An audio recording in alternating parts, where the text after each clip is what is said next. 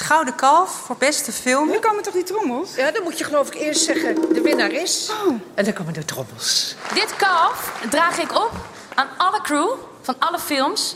Van jullie, van mezelf, van mijn hele leven en de toekomst. Alle crew waar geen plek voor is op het podium. En ik heb een fucking gouden kalf in mijn hand. De Ketelhuis Podcast. Interviews, reportages en beschouwingen over de Nederlandse film en omstreken. Als je iemand kan horen, maar niet kan zien, dan is de afstand toch alleen maar groter. Luister en kijk naar elkaar, want jullie vertellen dit verhaal met z'n vieren eigenlijk. 3, 2, 1. Welk woord heb je als eerste geleerd? Tot ziens. Sky? Ik zie hem niet. Sky, ik wil dat je nu tevoorschijn komt. Vind niet leuk meer. Probeer je voor te stellen wat je voelde toen je mij voor het eerst echt zag. Have you heard about this crying statue? Of course, who hasn't? Brokeback Mokrop. Ik wil nooit, nooit, nooit, nooit zonder. Alles of niets, kiddo.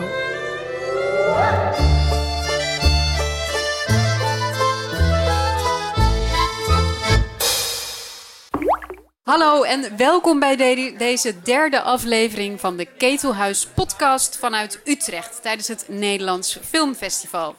Ik ben Floortje Smit en ik zit hier naast Alex de Ronde in Café Mevrouw Dudok in de Schouwburg, waar we elke festivaldag verslag doen vanaf het Nederlands Filmfront. Alex? Ja, voordat je verder gaat, Floortje. Gisteren hadden we het over die Kalveren-nominaties. Toen heb ik toch nog vannacht even nalopen denken over die eh, documentaires. We hadden het toen over Coco Schrijber, eh, die een prachtige documentaire heeft gemaakt. eh, Look What You Made Me Do. Die is zelfs niet door de voorselectiecommissie heen gekomen. Vonden we al wonderlijk. Dat vonden we heel raar. Vannacht bedacht ik, nou, in competitie deed wel mee eh Nicky eh, Padidar met eh, de documentaire All You See. Was openingsfilm van het ITVA. Heeft een DDG-award gekregen voor die documentaire. Wat je ook van die film vindt, het is een solide en zeer originele documentaire. Die valt dan zomaar bij de Academy door de, door, buiten de boot.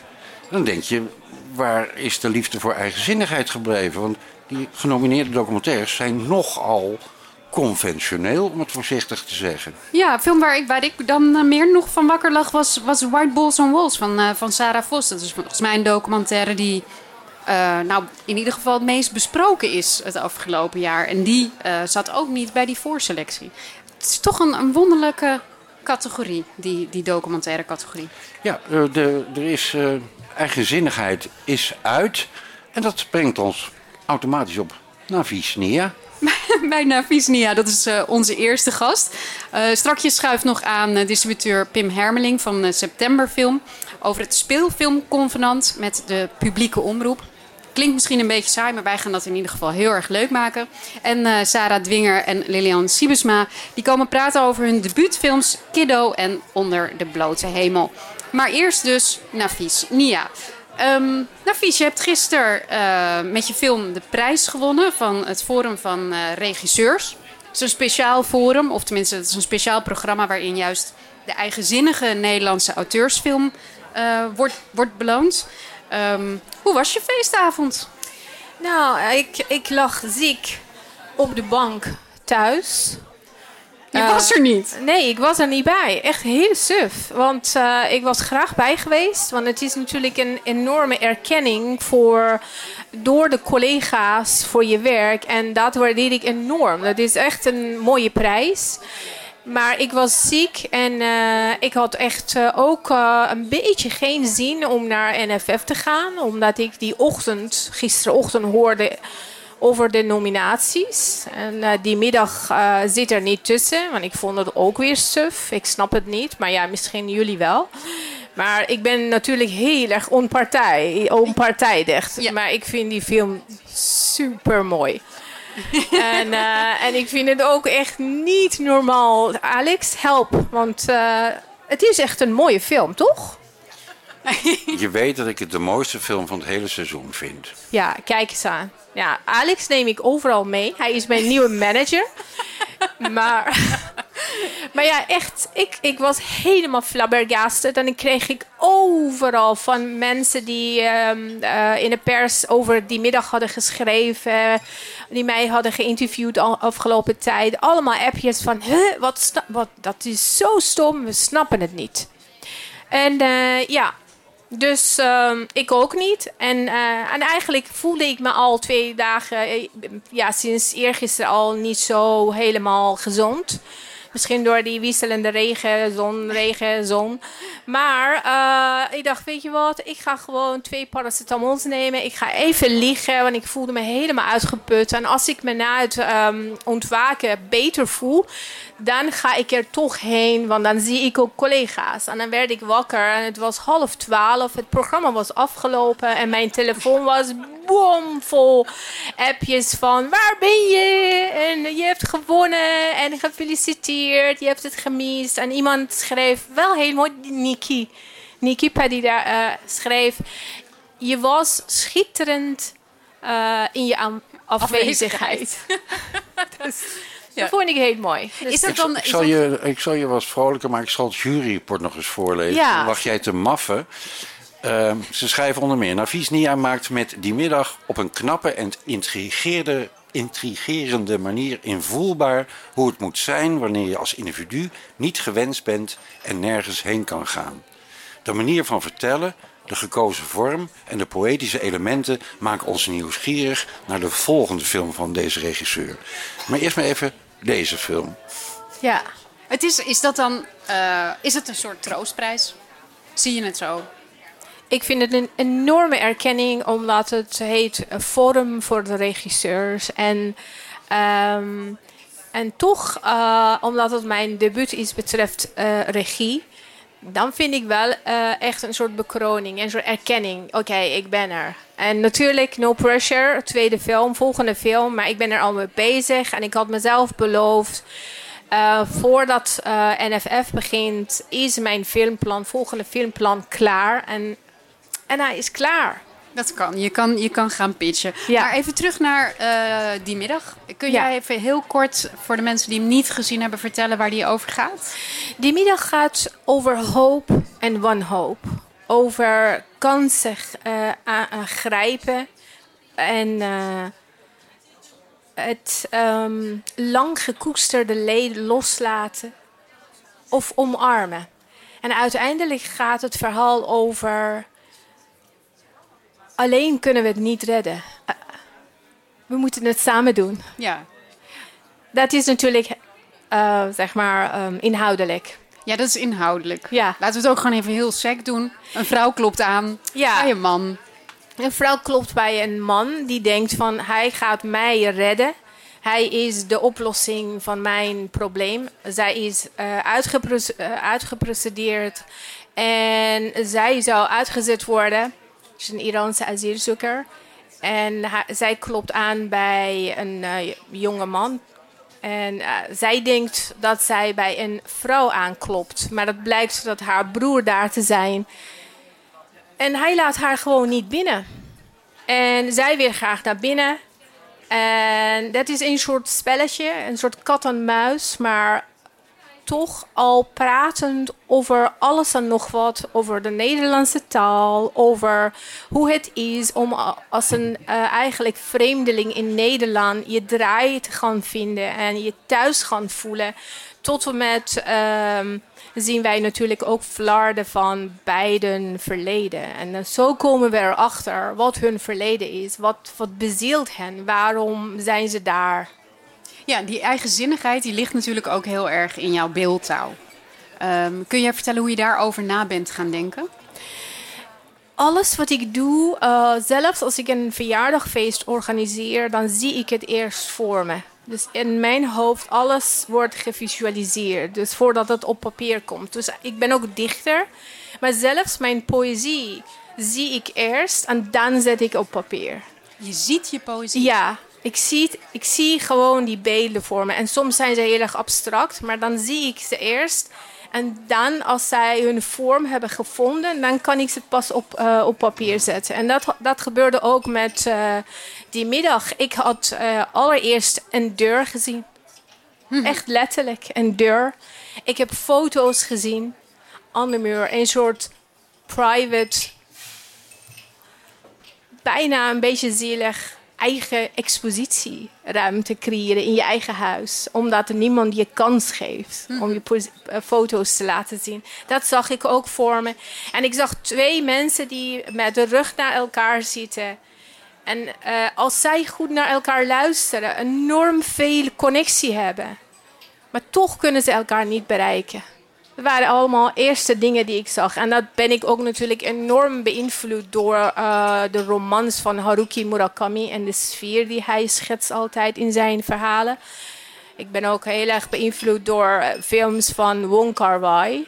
Misschien ben ik wel sowieso beïnvloed door Verre Oosten films. Want Yasujiro Uzo is ook een andere ehm, eh, voorbeeld filmmaker voor mij. Dus al die dingen. En op een gegeven moment, eh, als je dan eh, al die elementen even komen samen en dan, dan ontstaat een huisje. En dat is het verhaal, denk Lijkt ik. me lastig uitleggen dit. Is dit soort. Want hoe, Sorry. Hoe, hoe doe je dat als je inderdaad een traject in moet met filmfondsen, met...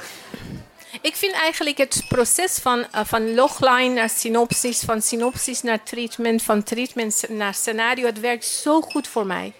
Bijvoorbeeld, even mensen hebben het eh, moeilijk om een synopsis te schrijven, maar zo werkt ook mijn hoofd. Ik kan eerst een eh, verhaal bedenken in twee zinnen en daarna die zinnen uitbreiden tot een A4'tje en in die A4'tje naar 100, weet ik veel. Nou, zo gaat het, ook in mijn hoofd. Dus eh, ik denk dat het hele filmscenario, ehm, de manier waarop je dat schrijft, is denk ik ooit ook voor mij bedacht. Klinkt heel arrogant, maar dat bedoel ik niet. Ja, maar goed, dan moet je wel dat soort eigenzinnigheid eh, verkopen.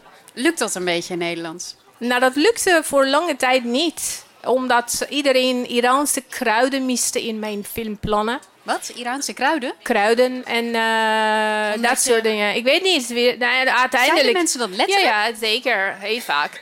En eh, ik ben... eh, ik ben ehm, er zijn ook momenten geweest dat mensen zeiden van... Wat een mooi verhaal. Maar iedere...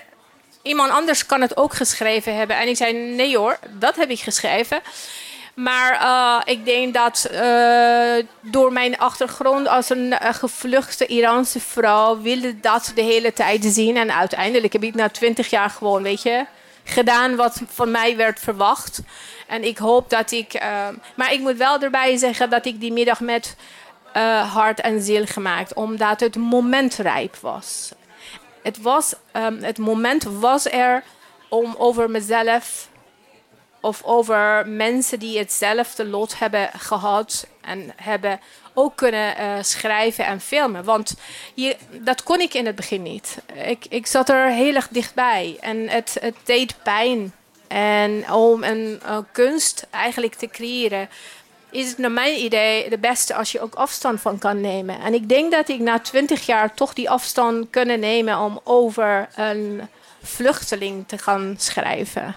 Wat van mij was, wa- werd ook verwacht. Maar betekent dat dan dat je in die twintig jaar daarvoor niet zo'n soort passieproject hebt gehad? Of heb je heel veel passieprojecten gehad die gewoon niet Ik heb heel veel passie, eh, eh, gehad. Bijvoorbeeld Dance Iranian Style.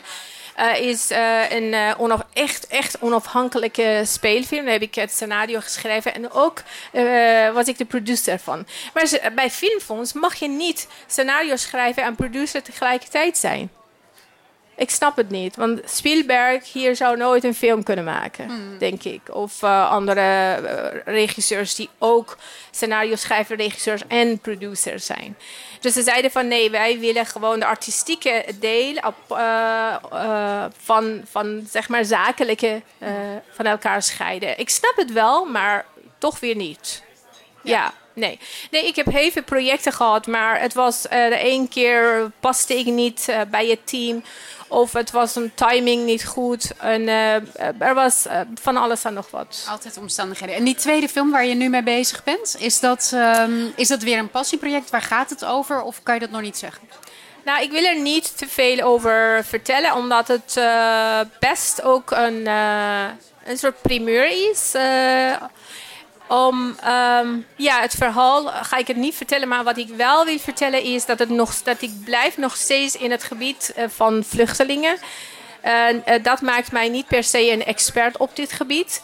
Maar ehm, het, het, het thema eh, is voor mij heel erg belangrijk. En er zijn zoveel verhalen die niet verteld zijn. En ik voel me verantwoordelijk om dat te gaan vertellen. Ik ben heel benieuwd. Dankjewel, Nafisnia. Dankjewel. Dank jullie wel voor, uh, om mij te hebben. Super. Gaan we nu iets uh, heel saais bespreken, vrees Floortje. maar ik vind het ra razend interessant. Het gaat over publiek en geld. En nu schuift aan Pim Hermeling, directeur van Septemberfilm. Dat is een distributeur, onder meer. Um, voor het Nederlands Filmfestival hebben jullie bijvoorbeeld uh, Toen we van de Duitsers verloren uitgebracht. Morgen volgt nog de, hier de première van Zomervacht, een film die jullie later gaan uitbrengen. Um, ik wilde het in de eerste instantie met jou eens hebben over de publieke omroep. Ik ga het zo kort mogelijk samenvatten. Ik ben benieuwd. Momenteel is er sprake van een zogeheten speelfilmconvenant tussen producenten en de publieke omroep. Op die omroepbegroting is zo'n 4,1 miljoen euro beschikbaar per jaar voor 18 speelfilms. Dat is heel leuk dat ze een bijdrage leveren. Maar in ruil daarvoor willen ze niet alleen de lineaire uh, uitzendrechten, maar ook voor liefst drie jaar lang uh, de, het exclusieve recht op, uh, laten we zeggen, video on demand. Dan blijft voor jou bij de exploitatie van een Nederlandse speelfilm alleen nog maar de theatrale opbrengsten over. Klopt dit verhaal? Uh, bijna. Uh, de SVOD-rechten, er is een uh, evaluatie geweest en daar hebben we een aantal dingen in kunnen veranderen. Waarbij de SVOD-rechten nu één jaar exclusief zijn. Dat betekent dat wij als distributeur in jaar 2, 3 en de daaropvolgende jaren aan kunnen bieden aan andere SVOD-kanalen. SVOD. Is, uh, uh, als je kijkt naar, naar Netflix, dat is subscription video on demand. Dus je, hebt, je betaalt één bedrag per maand en heb je toegang tot heel veel films, Videoland, uh, Netflix, Viaplay, dat soort partijen. Dus die drie jaar is teruggebracht tot één jaar? Drie jaar is teruggebracht tot één jaar. En dus de... jij bent als distributeur hartstikke tevreden. Je kan nu weer volop een bijdrage leveren, een zogeheten MG, Minimum mm -hmm. Guarantee, om de productie van de Nederlandse speelfilm uh, overeind te helpen. Nee. Nee, dat is uh, een misvatting. Uh, in de onderhandelingen die overigens door de distributeurs zijn ingezet, was dit voor dit moment het meest haalbare. Dus de, ver de verkorting van de, of de exclusiviteitsperiode verkorten van drie jaar naar één jaar. Maar dat helpt ons natuurlijk niet. Daarbij moet ik ook nog even zeggen dat de, uh, het convenant praat over drie soorten titels: een zilveren, een gouden en een platina film. En die zijn, die zijn op basis van die categorieën krijg je ook een bijdrage. Die zijn gekoppeld aan admissions, die wij in de bioscoop zouden moeten kunnen gaan doen. Nou, die zijn in onze ogen al vrij hoog. Uh, de eerste categorie is nu geloof ik tot 50.000. En dan heb je 50 tot 125. En de derde categorie is daarboven. Nou, wij denken dat die categorieën veel lager moeten zijn. Maar is ook voor ons niet zo heel relevant. Want wij maken als distributeur een commerciële afweging of wij een film willen hebben. En betalen daar naar onze eigen inschattingen een MG voor.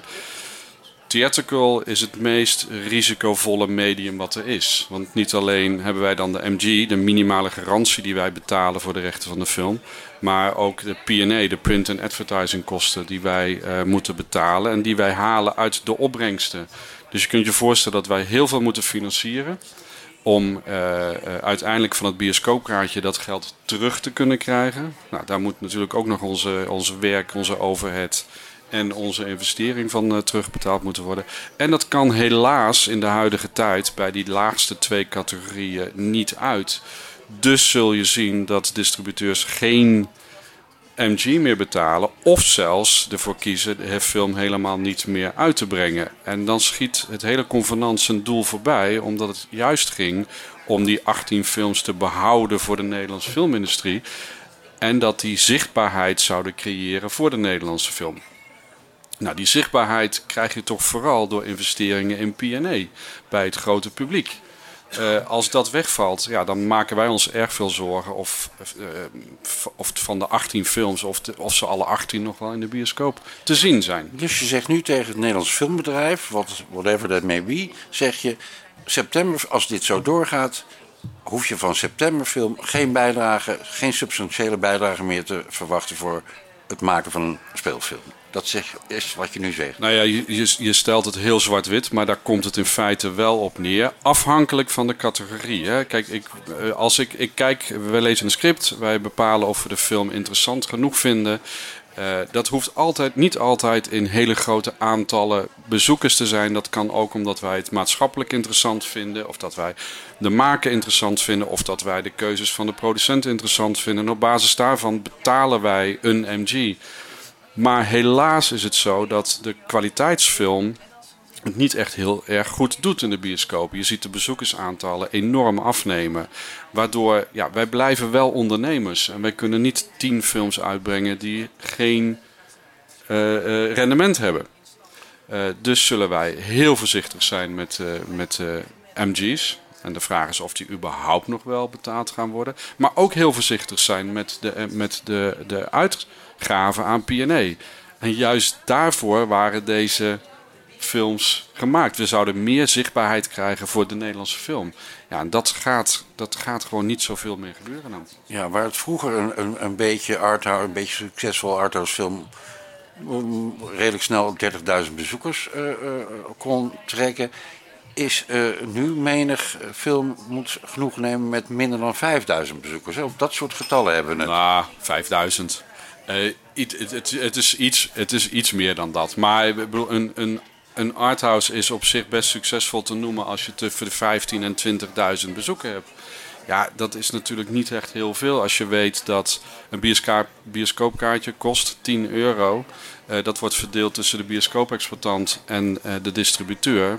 Nou ja, je hoeft niet echt hele hogere wiskunde te, te kunnen om te beseffen dat je dan niet heel veel geld overhoudt voor films. Als ik er even heel simpel naar kijk, hè, dan heb je dus, uh, dus die omroep die profiteert ook van al die marketing en advertisement, want die gaan het daarna lekker verkopen bij Netflix en Videoland. En, um, waarom worden die kosten niet gedeeld dan?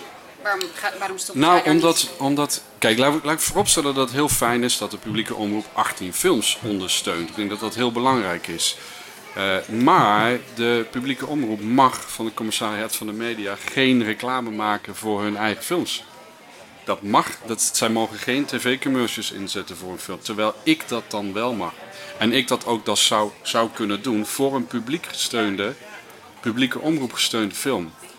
Uh, dus je hebt, en, wat je ziet het ook bij de grote streamers, is dat de Netflix uh, en de HBO's willen ook heel graag dat een film wereldwijd theatrical wordt uitgebracht, omdat daar de enorme push naar het grote publiek kan plaatsvinden.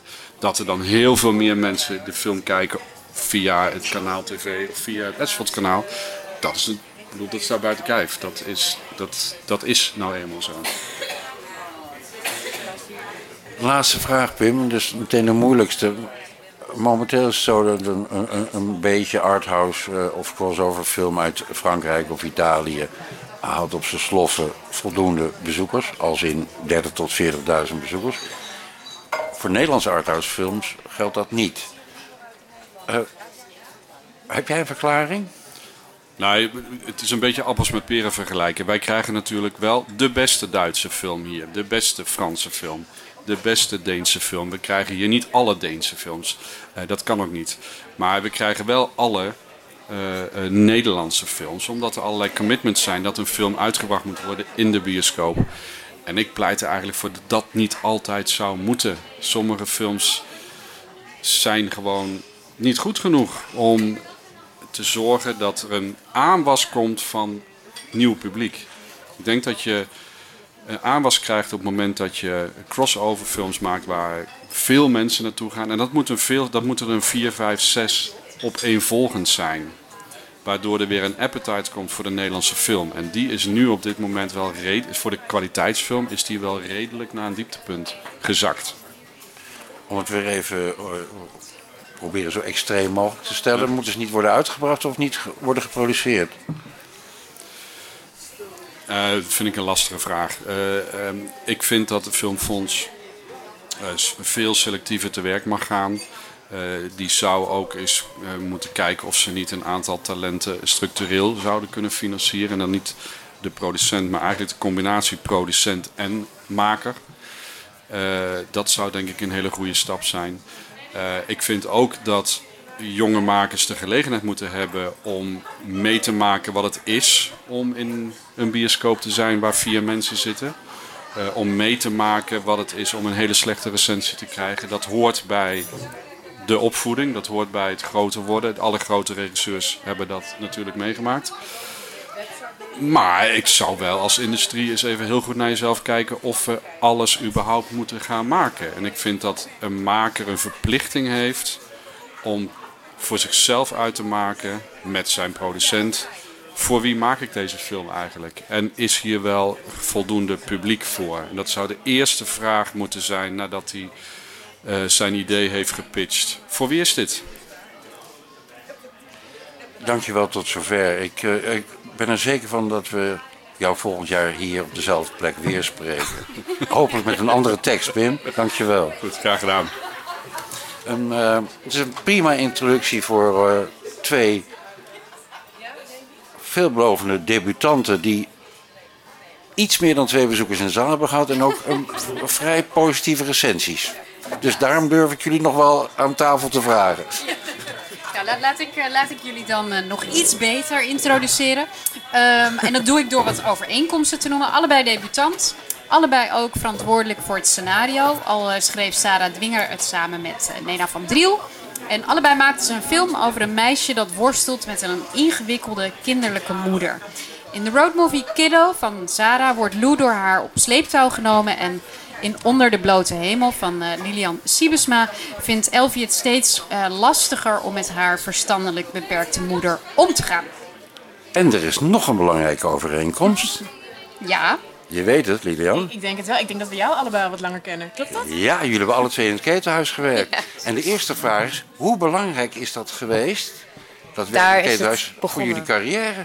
Daar is het allemaal begonnen. Daar kwam het idee toen ik eens een cappuccino-apparaat scho schoon aan het maken was. En dat geluid zo. Toen dacht ik, nee. Ja, maar, oh. De filmliefde is daar toch wel... Uh... Ja, ja, ja, dat wel. Het allemaal filmliefdeverwijzingen. Precies, nee, nee, nee. Inderdaad, in die zin is het er wel begonnen dat... Uh, dat ik al heel erg van film hield. En dat een, gewoon een prachtig filmhuis is waar je uh, ineens ook gewoon allemaal films mocht kijken. En omringd werd erdoor. En ja, in die, in die zin wel. Ja, en dat je als uh, regisseur zag hoe zenuwachtig andere regisseurs voor hun première waren. Ja. Of hoe een soundcheck ging. Of heel veel aan gehad hoor.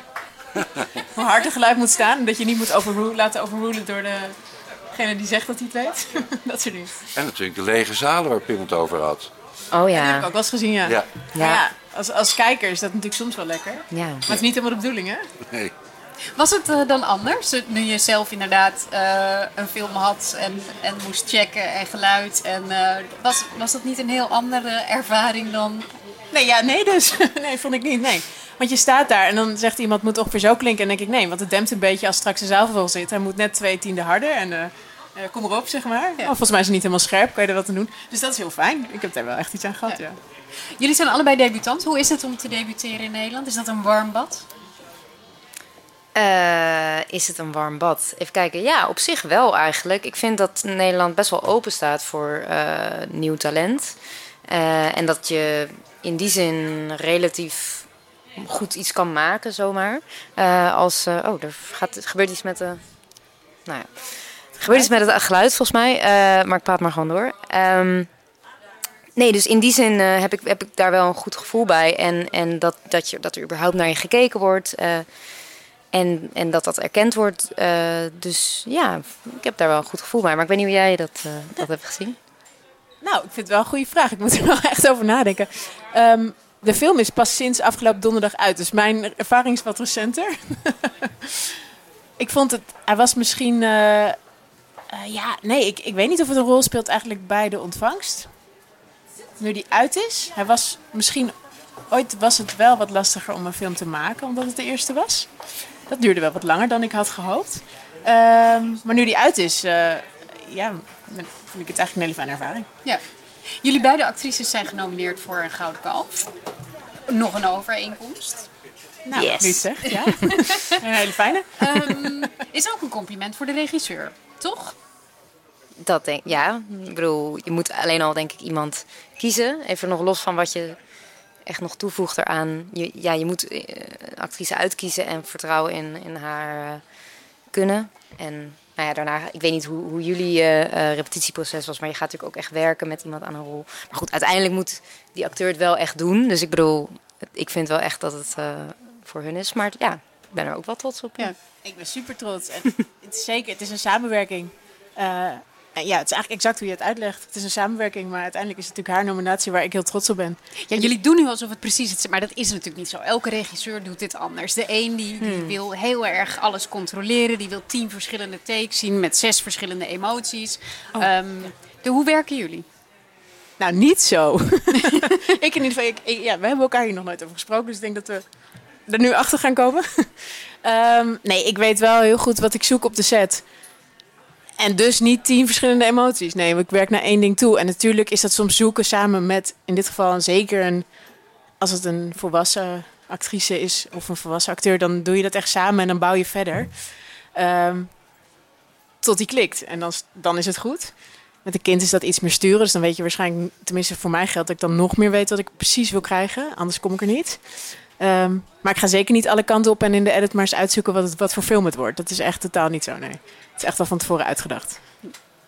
Ja, ik heb wel denk ik dan net anders in de zin dat ik... Ik stop vooral heel veel werk in van tevoren. In het personage creëren en de, de toon van de film creëren, ook in spel. Eh, en, en in hun band. En nou, daar gewoon heel veel in. En dan vind, staat dat als het goed is. En dan vind ik het best wel leuk juist op de set om... Nou, misschien niet tien verschillende takes, maar wel, ja, op zich, als het zou kunnen, zou ik er wel tien doen. Ik vind het heel Maar het erg. kan helemaal niet. Nou, Heb vaak kan het niet, voor. helaas. Dan heb je geen geld en geen tijd. Maar ik bedoel, ik vind het ook gewoon heel erg leuk. En het is niet dat het dan tien verschillende personages zijn. Dus het personage is in die zin altijd hetzelfde en de band. Maar ik vind het wel heel erg leuk om ja, mezelf die variatie nog te kunnen geven voor later. Maar ook om een beetje te spelen daarin en een beetje te onderzoeken. En eh, soms, soms is het gewoon wat het is. En natuurlijk zal het dan soort van hetzelfde zijn. En inderdaad, met een kind, daar had, daar had ik dat ook minder. Dan is het op zich wel ja, gewoon tot het goed is. Maar met, met, met Frida, het is ook zo'n leuke actrice. Ja, je bedenkt gewoon tijd van, oh, of we doen er nog één dat het zo gaat. En ja, dat vind ik wel heel erg leuk. Het weer een overeenkomst. Jullie hebben films gemaakt waarbij eh, de doelgroep, laten we zeggen, onduidelijk is. Ehm, het duidelijkste was NRC over jouw film, eh, Lilian. Eh, deze film is bedoeld voor kinderen. Stond heel expliciet. Ja, dat was heel expliciet, ja. Toen dacht ik, nou, als ik producent of regisseur was, zou ik nu denken: kut, dit is helemaal niet het stempel wat ik zo nadrukkelijk op mijn film wil hebben. Ja, dat klopt. nee, die was, ja, dan zie ik het niet. Eh, ehm, nee, zo zie ik dat persoonlijk ook helemaal niet. Maar ook eh, eh, eh, jouw film, eh, hoe heet je alweer? Sarah, werd ook Moeilijke naam. k- kinderfilm eh, genoemd in dezelfde NRC. Je krijgt Ja. een enorm stempel, terwijl het net zo goed een film voor Ja. volwassenen is. Wij, wij hebben hem wel bedoeld als, als jeugdfilm ook. Eh, dus, dus voor ons was dat... Wij hoopten wel dat mensen dat ook wel zo zouden zien. Ehm, alleen wel mijn, mijn persoonlijke uitdaging, want daar geloofde ik heel erg in dat dat kon... was een kinderfilm maken die ook voor volwassenen is. Maar ook voor kinderen, maar ook voor volwassenen. Dus dat het... eh, dat kinderen het leuk zouden vinden en ervan zouden kunnen genieten op hun manier. En meer met de entertainende manier misschien. En dat volwassenen er meer die onderlagen uit zouden kunnen halen. En het ja, meer als film zouden kunnen zien. Dus voor ons, bij ons was het wel de bedoeling. En ook bedoeld als jeugdfilm. Maar het, je hebt wel gelijk, het, was, het is on- onduidelijk. En dat maakt het soms ook wel lastig. Want mensen willen gewoon weten waar ze heen gaan. En dat is dat dan misschien niet. eh, ja. Ik geloof dat we jouw film ook natuurlijk in de avond hebben gedraaid om Ja. aan te geven van jongens, dit is ook voor Ja. alleen volwassenen geschikt. Ja, ja, ja. Goed idee. Dat, dat hebben we met jouw film ook gedaan. Zeker, heel ook fijn. Gewoon. Ja. Nee, Maar, ja. Heb jij hem ook ingestoken als kinderfilm? Of? Nee, nee, wat mij betreft niet. Ehm, het, is, het is best een pittig onderwerp. En ik gebruik het meisje echt om door haar perspectief te spiegelen op deze best eh, eh, ingewikkelde problematiek of thematiek. En een beetje een spiegel voor te houden aan de maatschappij. Ik geloof dat dat een heel sterk middel is. Ik hou daar zelf als kijker heel erg van. En als maker heb ik dat gewoon gebruikt. Dat ik tegelijkertijd, moet ik wel zeggen, dat ik altijd denk dat kinderen best veel aankunnen. Dus dat mensen dit met hun kinderen zouden zien, En dat, of dat vooral jonge mensen er iets aan zouden eh, hebben, dat geloof ik heel erg. Maar dat is niet de, me- de hoofddoelgroep, nee, zeker niet. Dus dank je voor die avondprogrammering, heel goed. Ja. Ehm, het is wel een marketingprobleem natuurlijk, waar je Hmm. niet goed uitkomt. Ja, ik weet niet of het een probleem is. Het is denk ik ook een beetje hoe je dat dan aanpakt. En misschien is dat eh, iets wat, nou ja, wat, waar je langer over na zou kunnen denken. Bij ons, wij hebben, ons film is echt gemarket als jeugdfilm, wat ik ook wel goed begreep. Alleen zelf dacht ik ook wel van, ja, moeten we het niet iets breder misschien... eh, en inderdaad meer laten zien dat dit ook voor jongvolwassenen of volwassenen... Ja. Eh, maar Oh, goed, ja. dat is, ik snap wel die keuze. Dus, maar dat, ik zelf geloof wel erin dat, dat, dus, dat het niet een probleem hoeft te zijn. Nee, ik denk ook Eh. dat er echt best wel een publiek voor is. Zeker internationaal zijn we natuurlijk niet de enige die dit dit jaar doen. Er zijn nogal eens mensen met ons... Zelfs Spielberg deed het dit jaar. Dus dat- Mhm. ja, het moet kunnen volgens mij. En ik denk dat, dat heel veel mensen het fijn vinden om iets te herkennen van hun kindertijd. En in het, en op hetzelfde moment word je aangesproken op een bepaalde verantwoordelijkheid. Dus je, het is best een indringend middel. Misschien niet voor iedereen, maar toch zeker wel voor een heel groot deel van het publiek dat daarvan houdt. Ja, volgens mij zouden jullie filmen dus heel goed eh, doen bij ouders met wat oudere kinderen. Mhm. Ehm, mijn dochter is 12. Ehm, die zou dit, eh, die- vindt films, die heeft jouw film ook gezien. Wij hebben bij een testscreening gezeten. Oh, leuk. Ehm, maar dat is best een hele lastige doelgroep, want die gaat gewoon naar een Amerikaanse film met Ja. haar vriendinnen. Ik krijg er True. niet meer zo makkelijk mee naar een Nederlandse film. Nee, klopt. Nee. Die gaat gewoon naar Star Wars. Precies. En dat zou ik ook doen als ik, als ik haar was. Dus dat is ook op zich... Maar, maar en toch geloof ik het dat ook weer niet helemaal in. Want zelf, toen ik kind was... Ook al snapte ik dan nog niet helemaal wat het allemaal was... vond ik het super fascinerend om dus naar gekke Zweedse films op Cineke te gaan. En het... Dat die, ik weet nog steeds, die, ik zie gewoon die films letterlijk nog voor me. En ik denk wel dat er is wel een markt eh, om ja, net even wat meer films waar je wat meer over na kan denken bij kinderen te leggen. Alleen de vraag is een beetje hoe. Want Ja, ik weet hoe? niet of de bioscoop daar helaas de beste eh, plek voor is voor kinderen. Omdat dat gewoon met de generatie van nu denk ik eh, lastig gaat. Met alle schermen die ze thuis hebben. Je maar moet ik hoop een dat het wel... TikTok-trend worden. Ja, precies. Er is een pijnlijk verschil tussen jullie beiden na al die eh, overeenkomsten. Oh god. Pijnlijk ook. Sarah heeft eh, zes nominaties. Gefeliciteerd. Fucking hell. En jij één of twee? Eén. Eén, voor, maar wel een, Wel een belangrijk hele mooie, hoofdrol. ja. Ehm, heb je dan de pest erover in? Of uh, Nou ja. moordkuil? Nee, kijk, luister, een paar meer was leuk geweest, maar ik ben gewoon blij met deze. Het is echt een hele mooie. Rivka speelt een ontzettend uitdagende rol waar ze enorm haar nek voor heeft uitgestoken. Dus ik vind het echt een bekroning daarvoor. En eerlijk gezegd, prijzen zijn leuk om te winnen, maar je moet er niet over gaan treuren. Dat is wel omgekeerde wereld, dus dat ga ik niet doen. En Sarah, hoe blij ben jij? Eh, heel blij. Je had Ik- het niet verwacht, hè? Nee, ik had het niet verwacht. Zo, in ieder geval niet zoveel. Ik had nog wel gedacht, het zou mogelijk zijn dat er iets tussen zit. Maar, hey. Oh. Eh, nee, ik, ik, ik, had niet, ehm, ik had dit niet verwacht. Dus ik ben echt super blij en vereerd. En ik, ik dankbaar dat mensen ja, erkennen wat we gedaan hebben. En nee, ja. Ik, voor mij is het nu al helemaal, ik ben nu al helemaal blij. Maar nu, de tweede film. Een probleemmeester in Nederland. We willen jullie niks aanpraten. Die tweede film is over het algemeen een probleem. Behalve bij, eh, eh, bij de openingsfilm natuurlijk, bij Anna.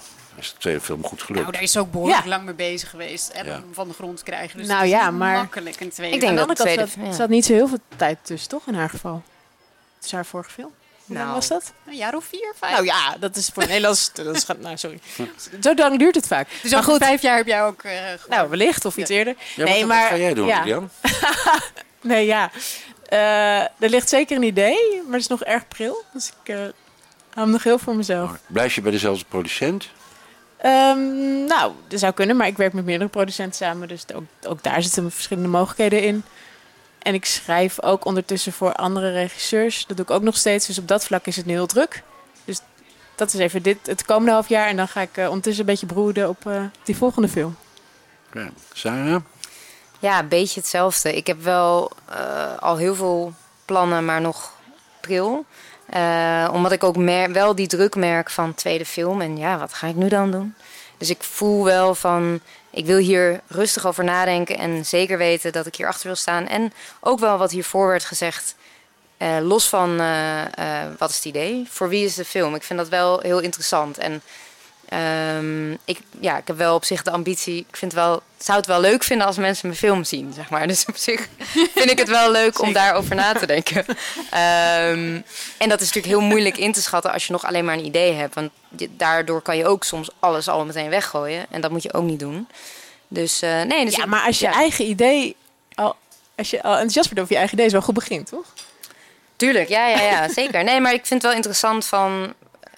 Nu weet ik hoe eh, lang het duurt om een film Ja. te maken, hoeveel moeite het is, Ja, hoeveel dat bloed, zweet en Ja. tranen. Dus ik wil wel echt erachter staan en weten... Oké, deze film wil ik maken. Ik wil al dit, al deze misère doorgaan. Je wil ook voor vechten, ja. Precies. En, en dus ik wil er wel achter staan. Maar ik, ja, daarom ben ik daar gewoon mee bezig. Dus eh, over vier jaar... eh, Dus dit bevalt dit antwoordje, Alex? Want ik zie jou heel sceptisch. Ah, ja.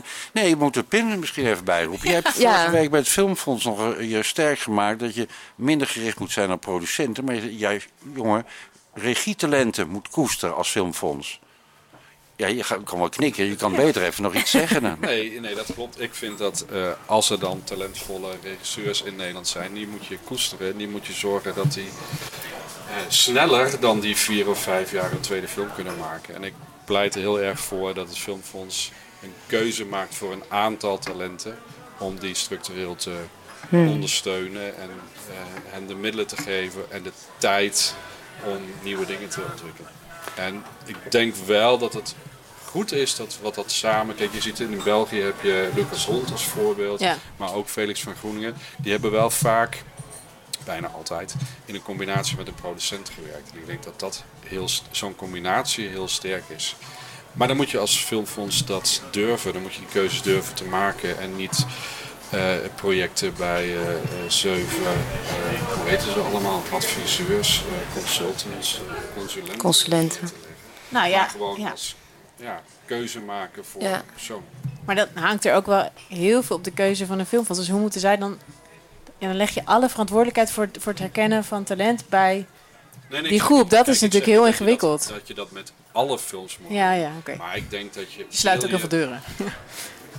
Wil je... Nou, als- je, als je Kiddo hebt gemaakt, dan zou gewoon... En iedereen is er enthousiast over. En het gaat prijzen winnen. Het wordt genomineerd en het gaat reizen. Waarom moeten we dan vier, vijf jaar wachten op een Nee, mee eens, project? ja. Mm. Ja. En ik denk dat juist je dan moet zeggen: hé, hey, er is een talent, jullie zijn allebei talentvol. Eh, waarom gaan we eh, deze vrouwen niet structureel subsidiëren? En nogmaals, bedoel, dan komen er niet, kan er ook iets misgaan. Maar Hmm. ik denk dat de kans groter is Ja. dat er iets heel moois ontstaat. Misschien niet bij film 2, maar wel bij film 3. Ja. De films van Felix van Groeningen zijn ook niet allemaal even goed geweest. Ja. Ja, nee, ben ik mee eens. uiteindelijk Ja. staat hij wel op een podium Ja. in, in Kamp. Ja, nee, en volgens mij heb je het nu over vertrouwen geven. En dat klinkt heel fijn. En als maker kan je dat wel een beetje gebruiken ook. Ja, ook investeren. Vertrouwen Ja, geven, precies. ook investeren Ja. in Ja. talent. En niet Ja. op eh, een, weer een projectje waar Ja. eh, heel veel op aan te merken is. Maar ach, het is een van de zoveel. Ja, ja. Dus laten we dit maar wel. Nou, een prima slotwoord, eh, dames. Ja, ik ben het ermee eens. De, pro- de distributeur is binnen. Wij gaan jullie films vertonen. Ja.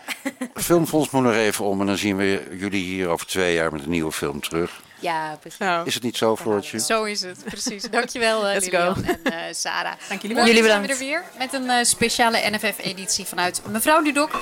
Kom dan luisteren of abonneer je via de podcast-app, zodat je geen enkele aflevering mist. Tot dan!